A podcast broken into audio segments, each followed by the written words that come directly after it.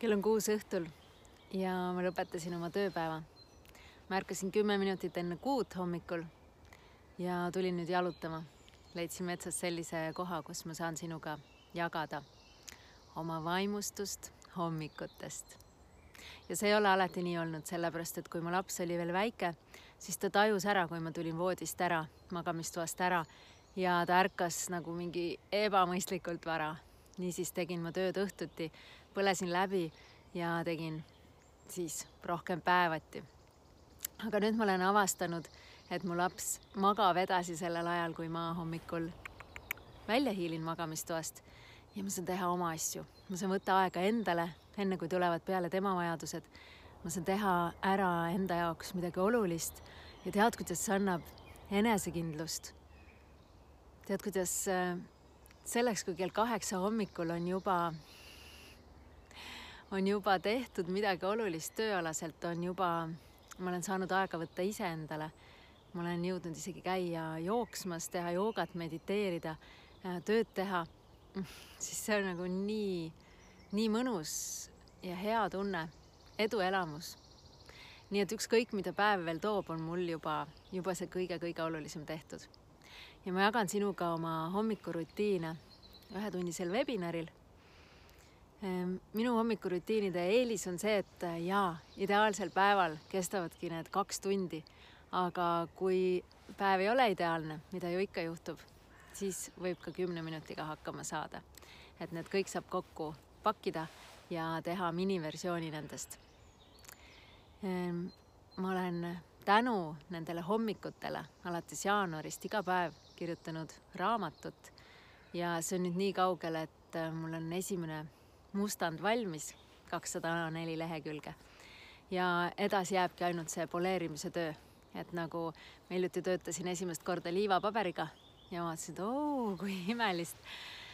nagu plastmassi sileduseni on võimalik puitu lihvida, siis samamoodi ma hakkan seda kahtesadat lehekülge lihvima ja lihvima, sest raamatu lehekülgedes oleks see praegu nelisada lehekülge ja, ja eks sa varsti kuuled sellest, aga, aga sa tead, miks ma tunnen ennast nii enesekindlalt ja rõõmsalt ja hästi hommiku, hommikust rääkides ja jagan seda hea meelega sinuga. ma olen Merit Raju, kirjutan raamatuid, korraldan festivale, sündmusi, elan oma südame järgi. olen elustiili ettevõtja, olen ema ja ma olen kindel, et saan sind inspireerida webinari kohta sa leiad siit alt lingilt rohkem infot ja saad ka registreeruda. aitäh sulle, kohtume seal.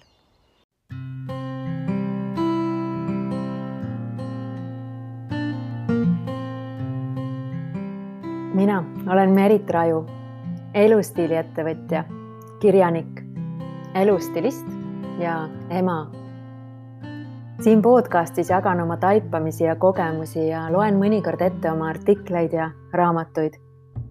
vahel aga teen teistega intervjuusid. mind huvitab väga, kuidas elada kõige elusamat ja rahuldust pakkuvamat elu igas eluvaldkonnas. ja ma usun, ilma suurustamata, et ma olen selle elav näide. ma ärkan igal hommikul elevusega ja elan isukalt oma päevi ja elu ma olen majandusharidusega Tehnikaülikoolist ja Saksamaalt Hamburgi ülikoolist ning olnud pikalt elustiili ettevõtja ehk juba kahe tuhande seitsmendast aastast teen seda, mida süda kutsub. ma olen kümme aastat korraldanud joogafestivale ja kolm aastat andnud välja reklaamivaba Hingele pai ajakirja, mis nüüdseks on kolinud internetti. minu sulest on ilmunud terve hulk raamatuid teadliku elustiili erinevatest tahkudest rasedusest kuni töiste valikuteni, ettevõtlusest, tervisest ja heaolust kuni raha, eesmärgistamise ja suhtlemiseni. teiste inspireerimine on minu jaoks see põhjanael, mille järgi joondun.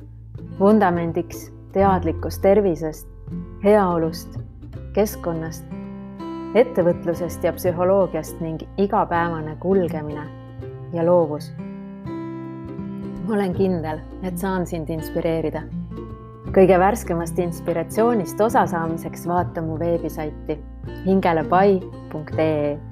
kohtume jälle